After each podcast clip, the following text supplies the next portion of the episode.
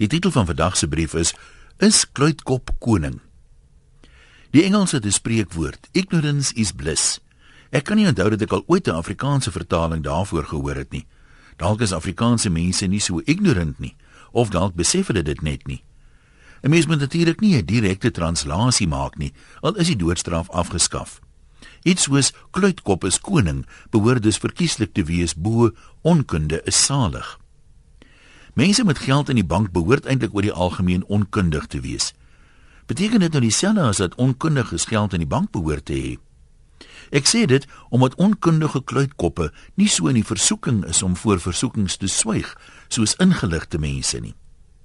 Ek het altyd gedink daar skort niks met my kar nie, maar toe ek hom weer eendag gaan haal na 'n diens is hulle nog nie klaar nie en ek dwaal maar daar in die vertoonlokaal rond terwyl ek wag.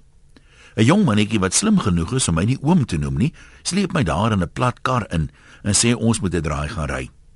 Die kar druk my toe so terug in die sitplek en spin soos 'n kwaad kat as ek net so klein bietjie druk op die petrolpedaal uitoefen.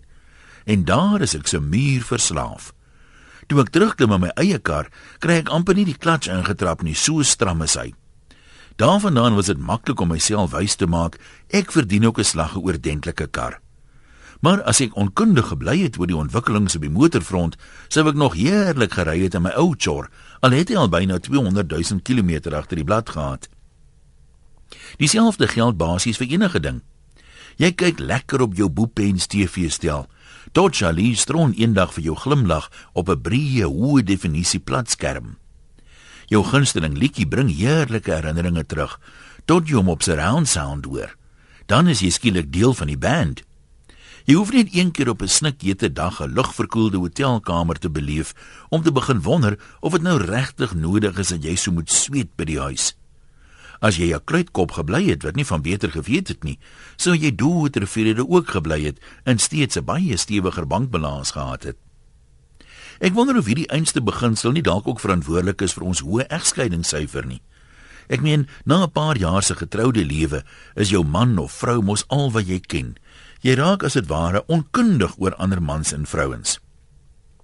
Dan begin 'n vrou dalk glo, geen man gee meer vir 'n vrou 'n kompliment of geniet dit om haar te bederf nie.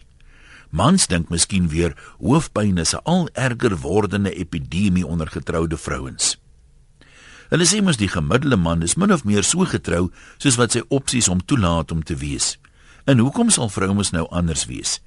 Mans wat hulle vrouens verneek doen dit tog, wel, meestal met ander vrouens wat dikwels ook getroud is. Die punt is dat as almal onkundig was en nie die genot van gesteelde vrugte geken het wat daai opsies bied nie, dan sou hulle mos getrou gebly het. So die eintlike vraag is dan regtig Wie is koning?